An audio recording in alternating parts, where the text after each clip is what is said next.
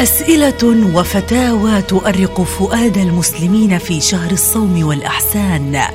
أجاب عنها أهل العلم والشريعة لتدخل على فؤادهم اليقين والاطمئنان.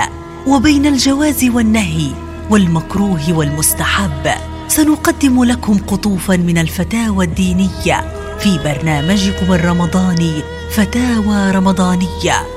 مع فضيلة الشيخ ياسين أبو خصوان هل يجب إخراج زكاة المال في رمضان؟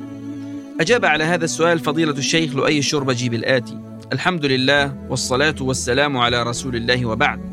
زكاة المال لا ترتبط برمضان بل بالحول. فمن كان يملك نصابا من المال وحال عليه حول هجري كامل فقد وجبت في حقه الزكاة. وهي ربع العشر من ماله ولا يجوز له تأخيرها ويأثم بذلك.